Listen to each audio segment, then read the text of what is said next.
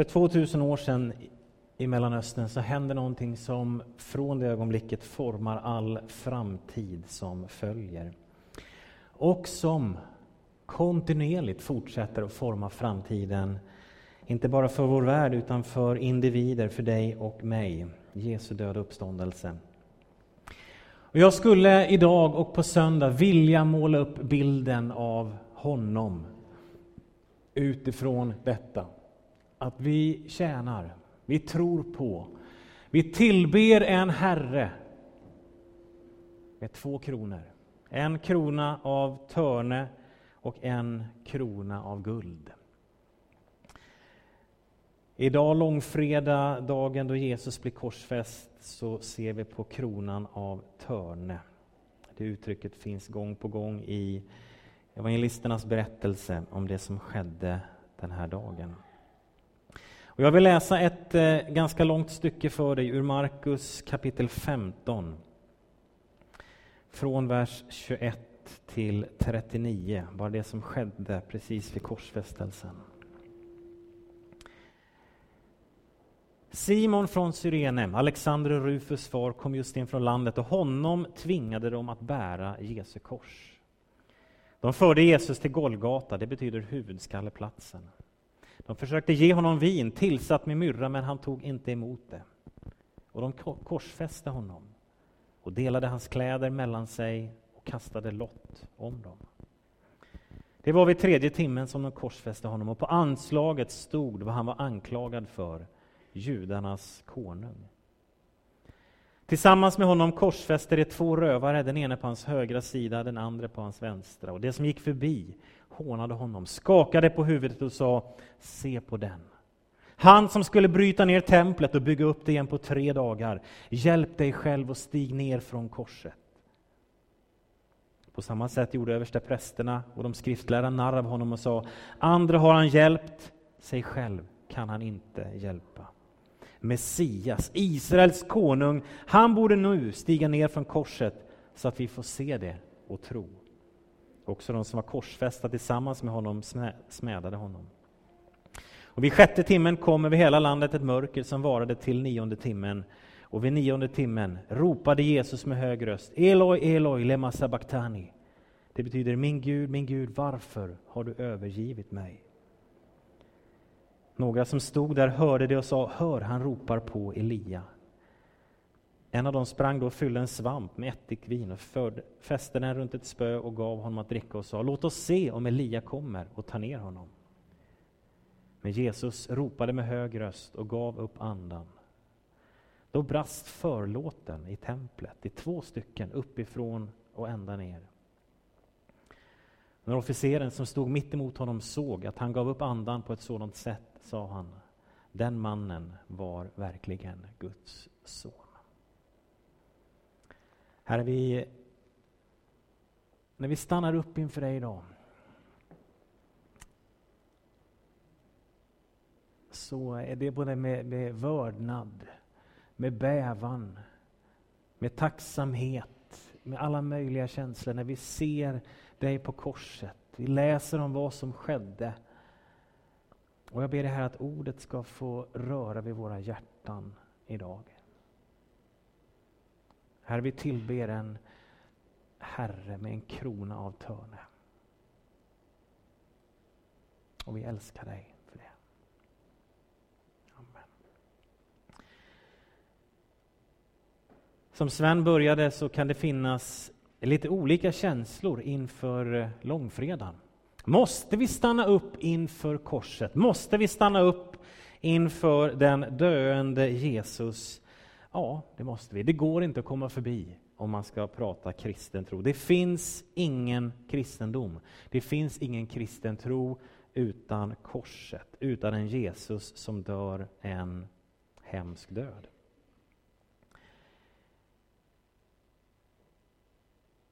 Den är lite jobbig, långfredagen och korset och döden.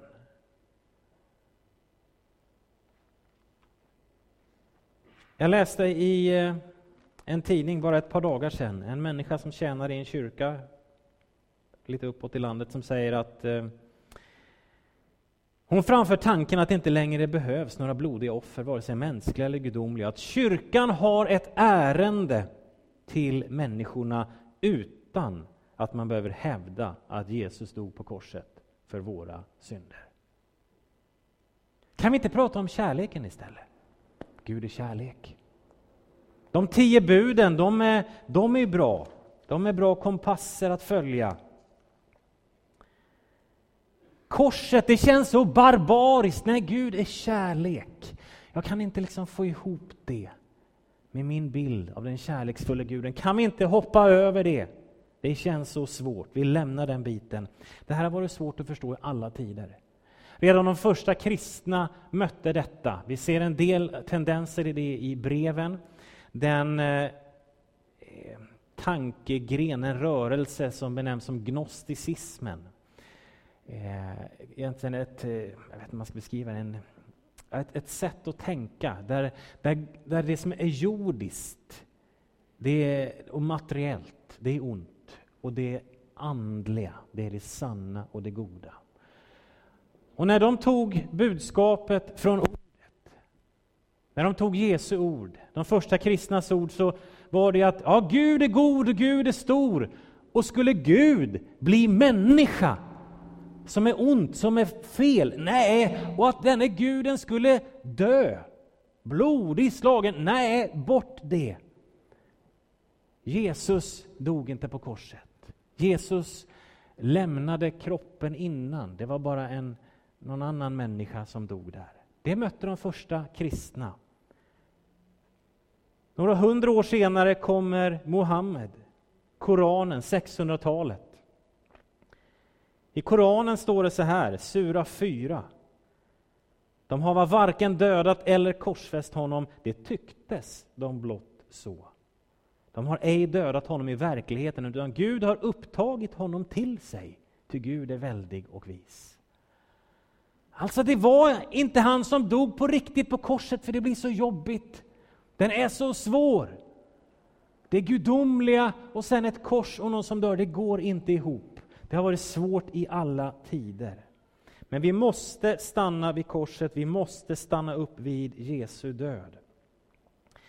I Första Korinthierbrevet 15, vers 3, så säger Paulus här att jag meddelade er det allra viktigaste, vad jag själv tagit emot.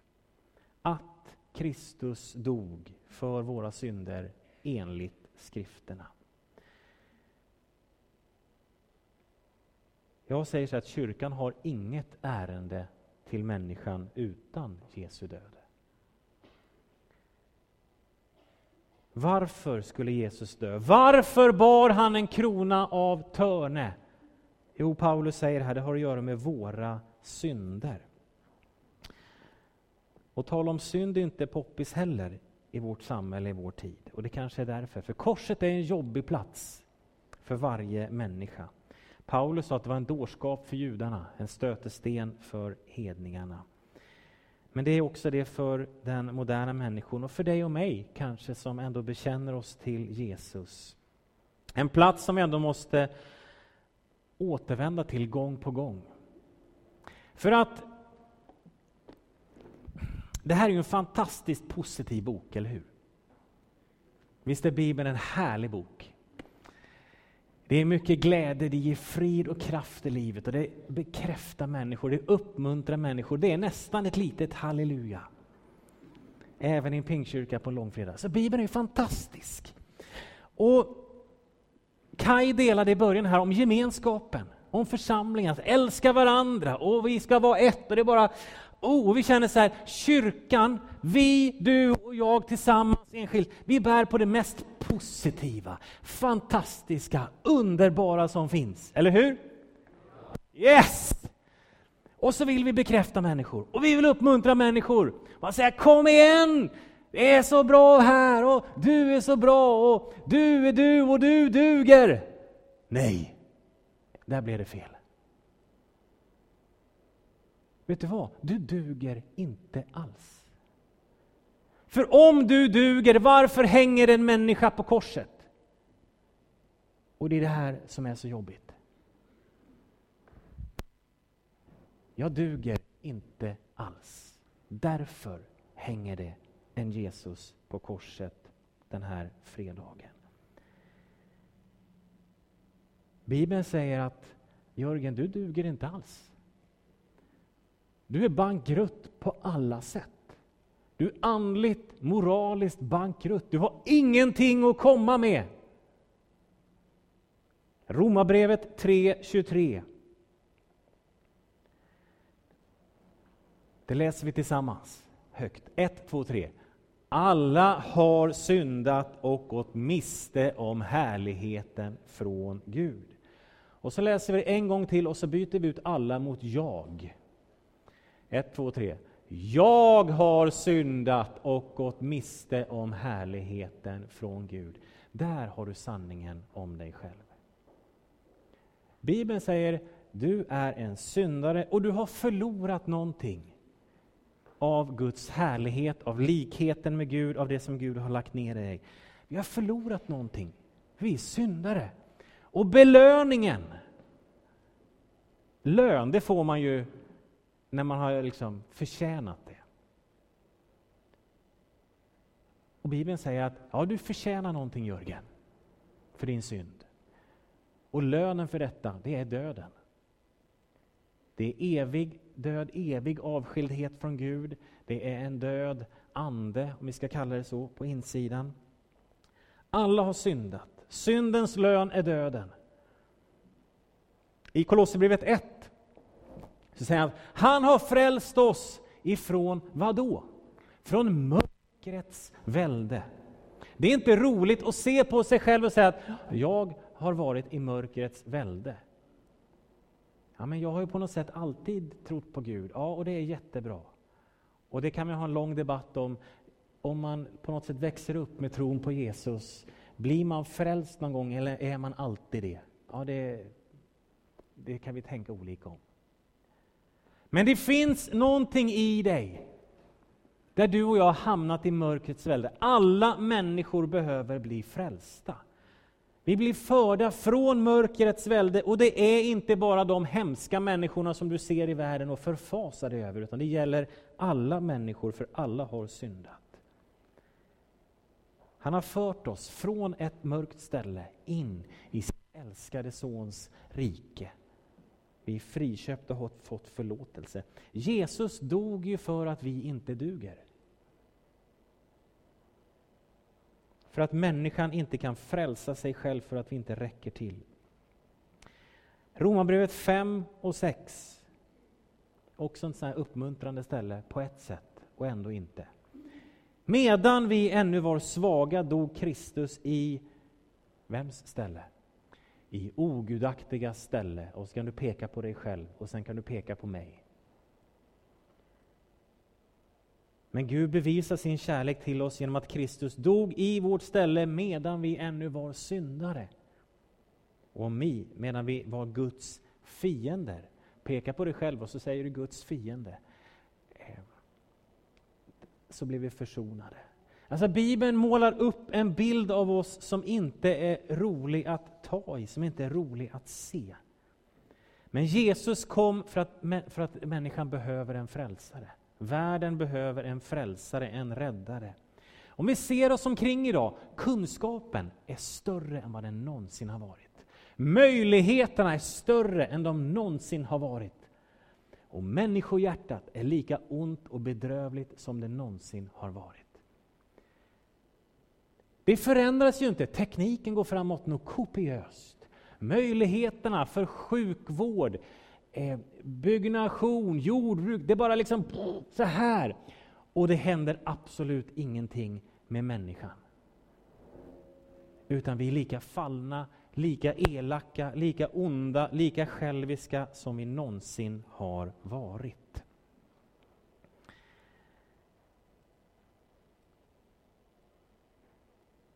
En bild av synden som man kan, som man kan ge. Alla har varit förkylda här inne, någon gång. Näsan rinner. Huvudet värker lite grann. Och vad kan man göra? Ja, det är näsdukar och Alvedon och kanske lite nässpray. Och vad är det man håller på med? Jo, man försöker ju bearbeta symptomen. Man snyter och man snyter och man snyter och det bara kommer mer och mer och mer och mer. Vi behöver inte gå längre på den bilden, så släpper vi den. Men man, man jobbar med symptom. Huvudet spränger, ja, jag tar en Alvedon eller fyra beroende på vilken nivå du ligger på. Vi försöker jobba med symptomen. Men vad är själva problemet? Det är ju en infektion i kroppen på något sätt. Och innan infektionen är borta så kommer ju symptomen att fortsätta och vi kan lindra dem ganska mycket. Men det kommer fortsätta att skjuta på tills infektionen i kroppen är borta. Och mycket av det vi ser i vår värld, mycket av det som vi upprörs över, och när vi pratar synd, då pratar vi snuva, vi pratar huvudvärk, vi pratar symptom. Och så försöker vi ibland bota symptomen. Du, sluta med det där, det där är inte bra, så ska du se att då blir det bra. Alltså, fixa symptomen. Nej, infektionen finns kvar i kroppen. Det som behöver beröras, det är synden i hjärtat. Människan i centrum, en människa som är bortvänd från Gud, som säger ske min vilja, inte din. Det är infektionen. Och det är det som Jesus kommer för att bota oss ifrån. Om man ser på korset med öppna ögon så ser man sin otillräcklighet och sin synd. Jag duger inte som jag är, något måste hända med mig. Därför är det en jobbig plats. Därför skriver en människa som jobbar i en kyrka att eh, nej, det behövs inte. Det här har vi ingenting att tillföra människorna idag. De behöver inte höra det här.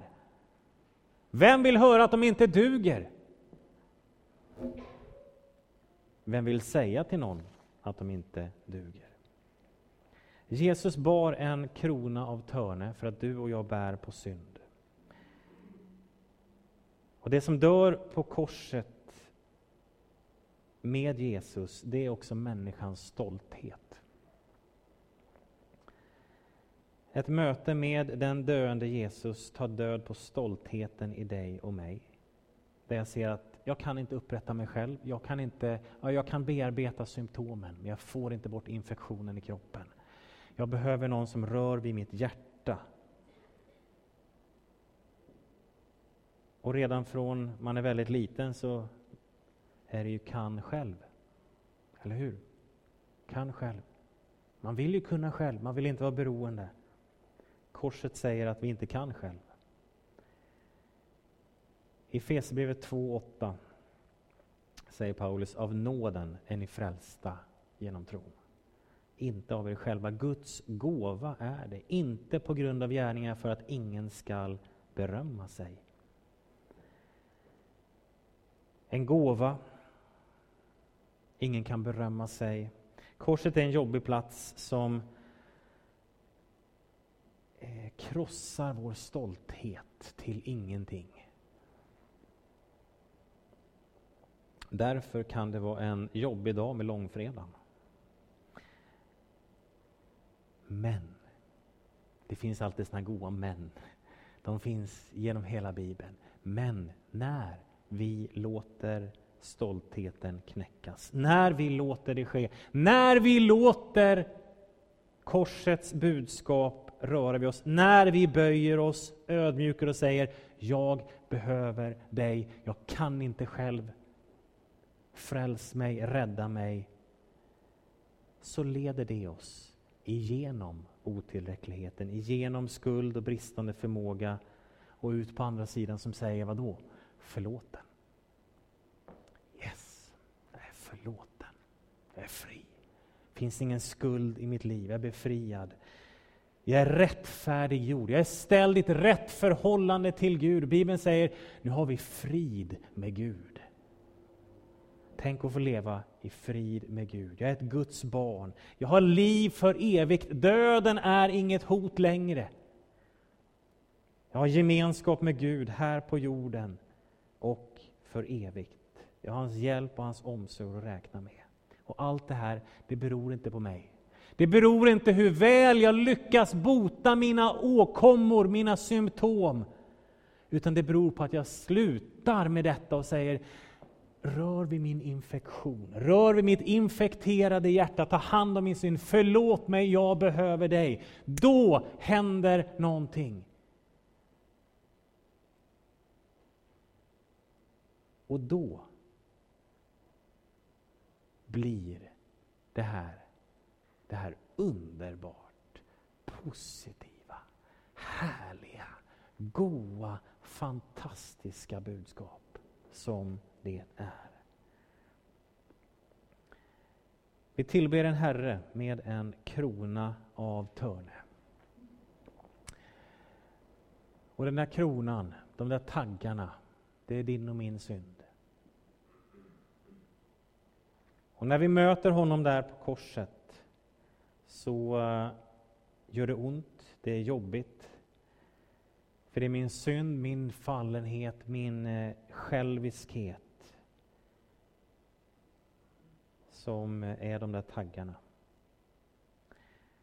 Och Bibelns fantastiska, positiva, härliga budskap, det går förbi den här platsen, Golgata, korset, där jag först måste böja mig.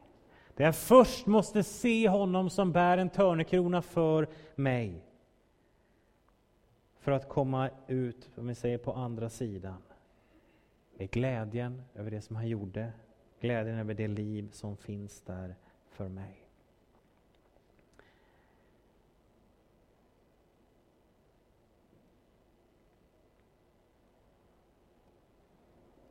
Vi ska fira nattvard om en liten stund.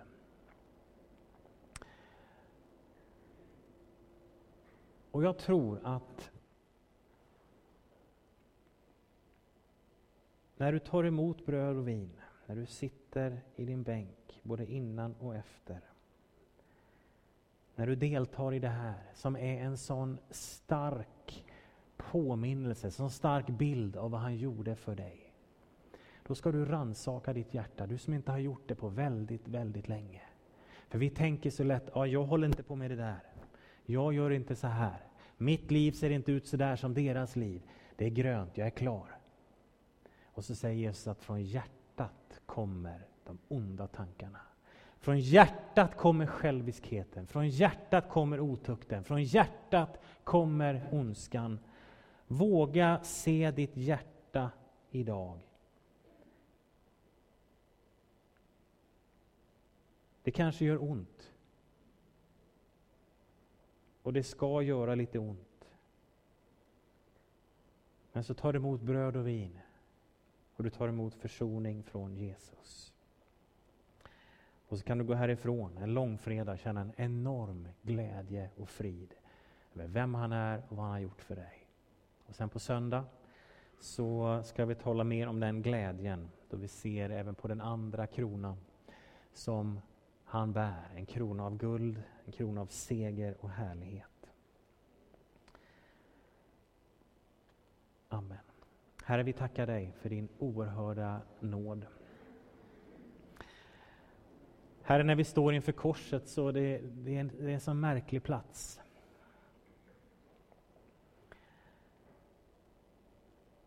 Där eh, människans synd, min synd, människans ondska, själviskhet blir så uppenbar. Och herre, jag ber dig att ingen av oss som är här idag skulle ducka för detta, försöka glida undan. Utan att vi låter korsets verklighet, törnekronans verklighet få drabba oss. Och att vi får se vårt hjärta i ljuset av din helighet. För när vi gör det här, då ser vi att nej, jag duger inte.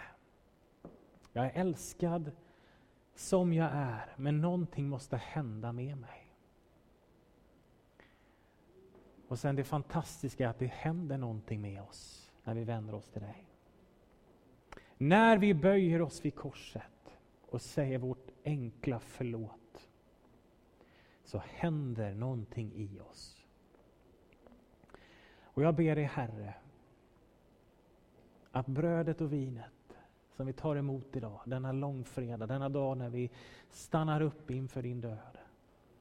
Jag ber här att brödet och vinet, nattvarden, den här, den här fredagen ska få betyda någonting som det inte har gjort på väldigt, väldigt länge i vårt liv. Både en väldig smärta men också en väldig, väldig glädje och en befrielse ifrån dig.